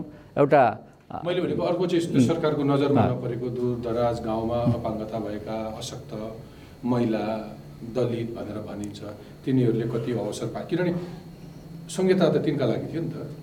सुकिला मुकिला मात्रै भन्दा पनि तल्लो तहसम्म ती नागरिक होइन त्यसलाई अब हाम्रो पहुँच अनुसार हाम्रो स्रोत र साधनले भेसम्म होइन अब यहाँ एउटा कुरा के छ भने फेरि पनि स्थानीय तहमा जानै पर्ने कुरा चाहिँ के भने स्थानीय तहको स्ट्रेन्थिङ जति हुन्छ त्यति नै मुलुकको प्रगति र विकास हुन्छ। स्थानीय तह कमजोर हुँदाखेरिको अवस्थामा हुँदैन। स्थानीय तहको निष्क्रियताले काम हुँदैन। स्थानीय तह जति सक्रिय हुन्छन् अब यी सबै कुरा चाहिँ नि तपाईँको स्थानीय तह हामीले पोलिसी दिन्छौँ हामीले उसलाई सपोर्ट गर्छौँ होइन? हामीले आर्थिक सहयोग गरौँला। तर यी सबै कुरा खोज्ने कुरा र गर्ने कुरा सरकारलाई बलियो बनाउने कुरामा स्थानीय सरकारको भूमिका बढी हुन्छ। त्यसै कारणले हामी भनिरहेका छौँ स्थानीय सरकार बलियो हुनुपर्छ होइन? तपाईँले भने जस्तै अब सबै यो चाहिँ अब यी सबै अहिलेको अहिले हामीले जुन यो तिन अर्ब रुपियाँको कुरा गरेर छौँ त कतिपय कुराहरू त हामी सिम्पली त्यो चाहिँ नि उहाँहरूसँग फिर्ता लिने अपेक्षा पनि गर्दैनौँ। कतिपय त्यस्ता त्यो क्षेत्रलाई हामीले पहिलो प्राथमिकता राखेका छौँ गर्न सक्ने कुराहरूलाई। उहाँलाई पहिलो प्राथमिकता राखेर काम गराउने भनेर भनिएको छ होइन? स्पेसिफिक अब उहाँलाई तालिम दिने गर्ने यी त यी त जम्मै रेगुलर फङ्सन भयो त्यसले त खासै उनीहरूलाई हुँदैन। उनीहरूको जीवन भनौँ न पा कसरी पाल्न सकिन्छ भन्ने कुरालाई चाहिँ सरकारले एकदम गम्भीर ढङ्गले काम गरेको छ। त्यहाँ मोबिलाइज गरेको छ। हाम्रा सङ्घ संस्थाहरू हाम्रा कर्मचारीहरू छन् त्यहाँ हाम्रा अफिसहरू छन् होइन? बालबालिका सम्बन्धी अफिस छ सामाजिक विकास मन्त्रालयका सबै जिल्लामा छ। ऊ सबैको जिम्मेवारी भनेको ती सबै कुरालाई काम गर्ने कुरा हो त्यो। ठिक छ। अब अब तपाईँको म अन्तिम रेकमेन्डेसन लिन चाहन्छु यो तिन तहको समन्वय बढाउनलाई अब के गर्नुपर्छ होला? स्थानीय सरकार तपाईँ आफैले र केन्द्र सरकारले? होइन त्यसमा कुनै ठुलो समस्या छैन हेर्नुहोस्। एउटा सेन्टरमा एउटा मेकानिजम बनाउनुपर्छ त्यो मेकानिजम भनेको तिनै तहको सरकारका बिचमा समन्वय सरकारको प्रतिनिधि रहने गरी होइन? तिन तहकै सरकारको प्रतिनिधित्व हुने गरी एउटा मेकानिजम हुनु पऱ्यो त्यहाँ एउटा सचिवालय हुनु पऱ्यो त्यो सचिवालयले डे टु डे अब मलाई कुनै कुरा भन्नु पऱ्यो म सधैँभरि प्रधानमन्त्रीसँग त मेरो एक्सेस हुनु पनि हुँदैन त्यो सम्भव सम्भव हुँदैन। हो सङ्घीय मामिला मन्त्रालयले गर्नुपर्ने। तर मन्त्रालयले के गर्छ भने एज ए होल सबैमा गर्ने त भन्छ तर स्पेस मैले के भन्छु त्यो स्पेसिफिक एउटा चाहिँ युनिटै चाहिन्छ। त्यो युनिट नभइकन हुँदैन। अब त्यो सङ्घीय मामिला मन्त्रालयको सचिवकोले काम गर्ने या दसवटा काम हेर्ने मान्छेलाई भनेर मात्र त हुँदैन। त्यसको निम्ति एउटा अलग्गै प्रधानमन्त्रीको मातहतमा एउटा केही चाहियो तपाईँ त्यो प्रधानमन्त्रीको मातहत भन्न मैले। त्यो मन्त्रालयमा एउटा युनिट चाहियो कि अलग्गै? समन्वय युनिट भनेर भनौँ न त्यसलाई होइन? तिनै तहका सरकारका बिचमा समन्वय गर्ने भनेर एउटा युनिट भयो भने अनि हामी सबै सबैको स्थानीय सरकारले पनि प्रदेश सरकारले पनि उनीहरूसँग डाइरेक्ट चाहिँ कुरा गरेर होइन समस्याका विषयमा पोलिसीको बारेमा चाहिँ छलफल गर्न सकिन्छ। योभन्दा बाहेक मैले केही छुटाएँ। तपाईँ अन्तिममा केही केही जोड्न चाहनुहुन्छ कि यो संहितालाई सफल बनाउनलाई अथवा तपाईँहरूलाई होइन छु त्यस्तो त्यस्तो त्यस्तो त अहिले केही छैन। अब तपाईँले बुझाइ अब- त्यस्तो छैन। मलाई त मलाई त्यस्तो अविश्वास छैन। एउटा कुरो के छ भन्नुहुन्छ भने सरकारवाला छ एकदम पोजिटिभ हुनुहुन्छ। अरू मैले एउटा कुरा छुटेछ के भने यो उठाउँछ कि बिचको प्रदेश सरकार चाहिँदैन भनेर? ती चाहिँ को हो? त्यो त सङ्घीयता नै चाहिँदैन भन्ने मान्छे छँदैछ नि त तपाईँको। आज छन् हिजो छन् भोलि छन्। सङ्घीयता चाहिँदैन भने त यही चाहिँ बहसै चलिरहेको छ नि। तपाईँ मिडियामा हेर्नु न खोइ सङ्घीयता नचाहि होइन संहिता नचाहने मान्छेहरू र यो संहिता खारेज गर्नुपर्छ धर्मनिरपेक्षता खारेज गर्नुपर्छ समावेशी खारेज गर्नुपर्छ। फेरि हामी हिजो जहाँ थियौँ त्यहीँ जानुपर्छ। यो संहिता बेठिक छ भन्ने त एउटा एउटा छँदैछ नि। ती मान्छेहरूले चलाएको हल्लाको पछाडि हामी लाग्दैनौँ होइन? अब संहिता चाहिन्छ कि चाहिँदैन? संहिताले कति काम गर्यो भन्ने बुझ्नलाई तपाईँको गाउँमा बस्नुपर्छ। सहरमा बस्नेले त्यो कुरा भन्दैन। सहरमा बस्नेले भन्दैन। अब तपाईँले एउटा कुरो छुट्याएको चाहिँ के भने हाम्रो यो प्रदेश बागमती प्रदेशभित्र सङ्घीय राजधानी पनि छ। सङ्घीय राजधानी भएको हुनाले यसमा केही कुराहरू चाहिँ नि अलिकति कर्णाली प्रदेश र बागमती प्रदेशमा फरक छ हेर्नुहोस् है। मुलुकको राजधानी हो काठमाडौँ तिन नम्बर प्रदेशमा पर्ने भएको हुनाले काठमाडौँमा शासन गर्ने जुन सङ्घीय सरकार छ होइन अब उसको र यो प्रदेश सरकारको बिचमा अलिकति तालमेल छ नि अलिकति नमिल्न पनि सक्छ। जस्तो एउटा उदाहरण दिएँ। मैले प्रदेश सरकारलाई छ दिन चाहिँ नि बिदा दिने स्वतन्त्र कानुनले व्यवस्था गरेको छ छ दिन बिदा दिन सक्छौँ हामी तर म के भन्छु भने मैले दिएको बिदा सिंहदरबारले मान्ने कि नमान्ने त हो त्यहाँ समस्या छ होइन हामी त बिदा दिउँला यहाँ तर अब यो काठमाडौँ समेत परे हुनाले सिंहदरबारले मानेन त्यो बिदा भने त यो बिदा दिएको कुनै अर्थ भएन नि हो त्यो अब यस्ता खालका कतिपय समस्या छन् अहिले अहिले तपाईँको चाहिँ नि अब प्र प्रहरीहरू पनि के भयो अब केन्द्र हेर्ने चाहिँ नि काठमाडौँका तिनवटा उपत्यका त्यो के अरे तिनवटा जिल्ला हेर्ने चाहिँ नि अलग्गै राख्ने त्योभन्दा बाहिरको मात्रै दिने। अब हिजो कोभिड भयो कोभिडलाई के भन्यो भने कोभिडको इन्टर मतलब उपत्यकाभित्रको चाहिँ नि सेन्ट्रलले हेर्ने त्योभन्दा बाहिर प्रदेशले यस्ता खालका कुराहरूले गर्दाखेरि कतिपय समस्या हेर्दाखेरि चाहिँ अलिकति नमिल्ने खालको होइन नसुहाउने खालको। अब प्रदेशभित्र छ अब राजधानी छ अब राजधानीको अलग्गै कानुन। मैले भने त्यसो भए चाहिँ नि हामीले त सुरुदेखि के बनाएको थियो भने मेट्रो बनाऊ काठमाडौँ भ्यालीलाई चाहिँ नि मेट्रो बनाऊ। यो प्रदेश कुनै प्रदेशभित्र पनि नराखौँ। प्रदेशको एउटा अङ्गको रूपमा होइन यो आफैमा स्वायत्त एउटा चाहिँ नि metro city Kathmandu metro city भनौँ न त मेट्रो भनौँ। होइन भनेर त हामीले यत्र यत्र डकुमेन्ट तयार गरेर यो आठ दस वर्षसम्म काम गऱ्यौँ जुन कुरा स्ट्रेन्थ हुनु पर्थ्यो त्यो कुरा तपाईँहरूलाई विकनेस भइदियो। त्यो विकनेस भएन है जे कुरा हुनुपर्थ्यो त्यो भएन। अब अहिले चाहिँ नि अब अलिकति अप्ठ्यारो त्यसले पर्यायो हुनाले अब हामी चाहिँ नि अलिकति कता कता अलि केही केही विषयले चाहिँ नि यस्ता कुराहरू छोएका छन् जस्तो भनौँ न अहिले प्रदेश प्रहरीको कुरा इन्डिकेटरको रूपमा देखाउनको लागि फेरि लाभ पनि भयो होला नि त। सङ्घीय राजधानी छ तिन तिनवटा महानगरपालिका यहीँ छन् एउटा उपमहानगरपालिका छ एकचालिसवटा त नगरपालिका नगरपालिका। बजेट वाइज पनि एकाउन्न अर्ब करिब करिब। त्यो भनेको त सानो बजेट पनि होइन। ठिक छ अब यसलाई बिट मारौँ अब यसका अलावा तपाईँले अरू प्रदेशहरूभन्दा मेरोमा भ्रष्टाचार कम छ बेरोजी कम छ भनेर दाबी गर्दै गर्दाखेरि गाउँ गाउँमा बाटो पुगेको छ पानी पुगेको छ खानेपानी पुगेको छ भनेर दाबी गर्दै गर्दा पनि दुर्भाग्य तेस्रो वर्ष तपाईँ पुग्दा नपुग्दै अविश्वासको प्रस्ताव आयो। यसलाई कसरी फेस गर्नुहुन्छ अबको भविष्य के देख्नुहुन्छ? अब मैले यसलाई धेरै चाहिँ नि सोचे पनि छैन। सबै एउटा के भयो भने नि अब डे वानदेखि नै मैले भने मैले त सुरुकै दिएदेखि यदि दुई वर्ष नपुग्दै अविश्वासको प्रस्ताव राख्न पाउने कुनै प्रोभिजन भइदिएको भए संविधानले त्यसलाई बाइन्ड गरेको भए आजभन्दा दुई वर्ष अगाडि आउँथ्यो त्यो। भन्नु भने के? तर के भने कुनै एउटा समय थियो यो यो व्यवस्था आउनुभन्दा अगाडि एउटा टिप्पणी गरेको थियो कि हनिमुन पिरियडसम्म त चुप लाग्थ्यो भन्ने चलन हनिमुन पिरियडमै आउँथ्यो। आउँथ्यो आउँथ्यो आउँथ्यो। हनुमान छ महिना पनि पुग्दैन थियो होइन? तर के भने संविधानले दिएन। त्यति बेलादेखि उहाँहरूको त पहल त गरेकै हो। अब उहाँले यति नराम्रो इगो राख्नुभयो नि यस्तो नराम्रो इगो राख्नुभयो कि कुनै पनि हालतमा चल्न नदिने भन्ने ढङ्गले जसरी जानुभयो त्यो चाहिँ नि संविधानले नदिएको हुनाले अहिले पछिबाट गयो अब पछिल्लो चरणमा त अब सेन्ट्रल पोलिस पोलिटिक्स नै अब धेरै यताउता भएको मैले यसरी त्यो गरौँ मैले यसरी। समअप गरौँ कि तपाईँको कन्क्लुजन तिन नम्बर प्रदेशको मुख्यमन्त्रीको कन्क्लुजन संहिताको सवालमा सबभन्दा पहिलो राजनीतिक कर्मीहरूको इमान्दारिता अथवा। संस्कारयुक्त राजनीतिक चेतना नै अभाव हो त्यति मात्रै भइदिएको राज्यकर्मी मात्र होइन त्यसमा ब्युरोक्रेसीको भूमिका छ। ब्युरोक्रेसीले? ब्युरोक्रेसी त मस्ट अफ अल ठुलो सहयोग गरेन तपाईँ मस्ट अफ अल होइन। धेरै जस्तो ब्युरोक्रेसीमा रहनेहरू सङ्घीयताको लाई यसलाई राम्रो होस् अथवा सङ्घीयता ठिक छ भन्ने पक्षमा धेरै कमजोर देखेँ मैले मान्छे होइन। अब पोलिटिसियनहरूमा पनि सबैमा ले त्यो आत्मसात गरेको चाहिँ नि पाइएन। त्यही हो छोटोमा। त्यसो भए त योभन्दा ठुलो खतरा के हुनसक्छ संहिताका लागि तपाईँले भनेको मुलुकको प्रशासन यन्त्र उसले यसलाई एक्सेप्ट गर्न सकिरहेको छैन टाइम लाग्छ र मेजर पोलिटिकल पार्टीका मेजर की प्लेयर्सहरूले यसलाई ओन गर्न सकिरहेको छ। अब त्यसो भनेर चाहिँ नि अब त्यस्तो होइन। यो। भन्नुहोस् न सुन्नु न के भने नि मैले अघि नै धेरै पटक भने नि। अब यो विदिन थ्री इयर्समा चाहिँ नि सबै कुरा भइसक्छ। मतलब एउटा ठुलो लिगेसीबाट आयो नि त हामी। एउटा संस्कारबाट आएको छौँ सबै सबै कुरा चेन्ज गर्न सक्छ। संस्कार चेन्ज गर्न सुन्नु संस्कार कल्चर चेन्ज गर्ने भन्दा गाह्रो हुन्छ कि। एक्सपेरिमेन्ट गरेको गरे गर्ने अनि आम नागरिक तपाईँलाई त्यो स्पेस?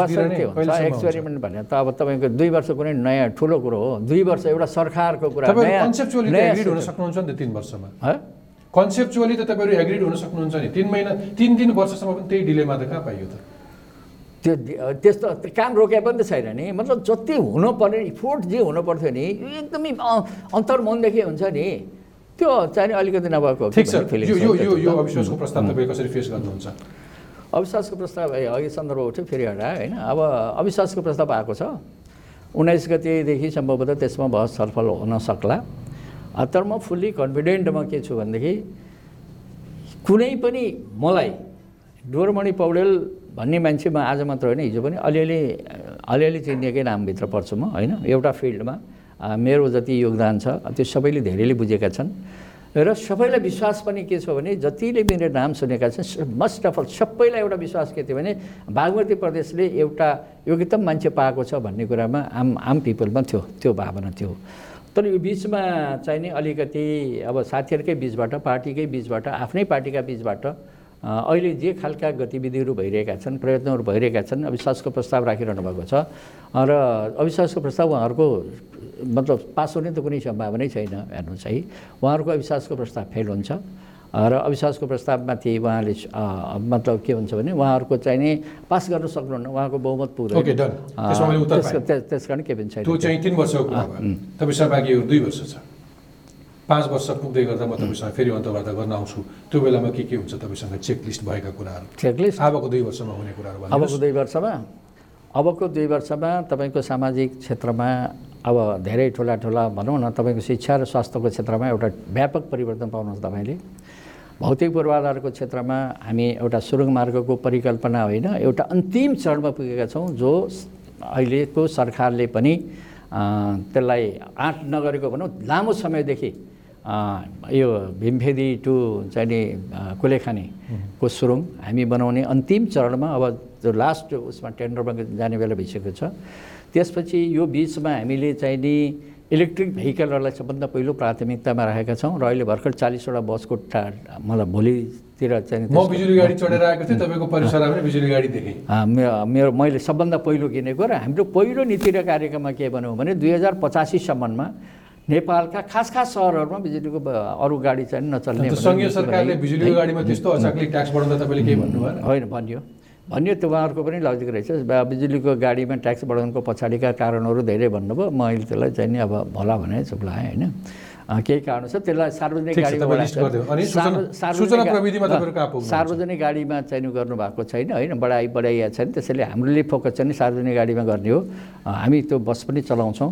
र प्रत्येक गाउँपालिका अथवा नगरपालिकाको केन्द्रमा पुग्ने सडकहरू अहिले पनि हामीले एउटा पोलिसी के बनाएका छौँ भने तपाईँको कालो पत्रेबाट कालो पत्रेबाट त्यो सम्बन्धित गाउँपालिकाको सेन्ट्रलसम्म पुग्नको निम्ति बाटो पक्की बनाउने अठार बिसवटा बाटो अहिले हामीले अन्डर कन्स्ट्रक्सन छ पुगिसकेका छन्। अब अब यो दुई वर्षमा हामी सबै ठाउँहरूमा पक्की बाटोहरू बनाउँछौँ। खरको छानो मुक्त प्रदेश भनेर भनेका छौँ। अरू सुशासनका सवालहरूमा ई गभर्नेन्सको कुरा आउँछ सूचना प्रविधिको ती- सबै आउँछन् होइन अनि तपाईँको चाहिँ खरको छानो मुक्त प्रदेश भनेका छौँ खरको छानोलाई मुक्त गर्नुको निम्ति हामीले अहिले बजेट विनियोजन गरेका छौँ। अब प्रदेशभित्र कहीँ पनि सम्भवतः खरको छानो हुने छैन होइन। यही अवधिमा अब भूमिहीनहरूको व्यवस्था हुन्छ भूमिहीन सुकुमासीहरू जो अव्यवस्थित बसोबासीहरू उनीहरूलाई चाहिँ उचित व्यवस्थापन गर्छौँ उनीहरूको व्यवस्था हुन्छ।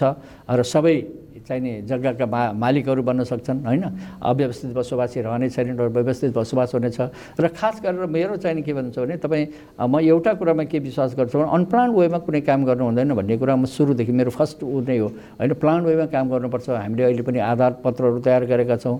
हामीले चाहिँ नि योजना आयोगले हाम्रो योजना आयोगले पाँच वर्ष रणनीति बनाइसकेको छ। पाँच वर्ष आवधिक योजनाहरू निर्माण गरिसकेको थियो। आवधिक योजनालाई नै टेकेर हामी अगाडि बढ्नु पूर्वाधारको क्षेत्रमा खास गरेर कृषिमा हामी फोकस गर्छौँ मैले अघि भने अब तपाईँ ठुला ठुला उत्पादनहरू बनाउने अब अहिले मैले चित चितवनमा एउटा हेरेर आएँ एउटा चाहिँ नि यो कोल्ड हाउस अब यति ठुलो एउटा बृहत रहेछ मैले सोचे भन्दा पनि ठुलो होइन। त्यस्ता हामी सबै जिल्लाहरूमा बनिरहेका छन् अहिले पन्ध्र सोह्र बनिरहेका छन् ठुला ठुला किसानहरूलाई चाहिँ सामा भनेपछि यसरी तपाईँले धेरै कुरामा परिवर्तन पाउनुहुन्छ र अहिले पनि धेरै परिवर्तनको अनुभूति मान्छेले गरिरहेका छन् होइन? अबको दिनमा अबको दुई वर्षपछि तपाईँ आउनुभयो भने योभन्दा ठुलो चेन्ज पाउनुहुन्छ। र। त्यो दुई वर्षभन्दा अगाडि अब काठमाडौँ फर्केपछि पनि तपाईँको कुनै एउटा विधि प्रविधि वेब पेजमा यी सबै कुराहरू पारदर्शी छन् आम नागरिकले सूचना पाइरहेका छन्? त्यो त पाइरहेको छ हुन्छ। कुनै मुख्यमन्त्रीज्यू तपाईँलाई म शुभकामना दिन चाहन्छु। धन्यवाद। बाँकी कार्यकालका लागि र आज तपाईँले जुन समय दिनुभयो त्यसका लागि धेरै धेरै धन्यवाद। ल अब तपाईँको यो मिडियाको माध्यमबाट मेरा कुराहरू पनि अब सा- आम चाहिँ नि पिपलहरूमा पुर्याउन पुर्याउने सहयोग गर्नुभयो त्यसको निम्ति तपाईँलाई पनि धन्यवाद। बिल्कुल मलाई यो सङ्घीय अनुभव कस्तो छ आम नागरिकले कति अनुभव गरेका छन् र यसको यस विषयमा पनि प्रशस्त छलफल सम्वाद चलाउनुपर्छ भन्ने आशय थियो त्यही भएर टक टक तपाईँ लिएर भनेर प्रदेश प्रदेश गइरहेको छ। धन्यवाद।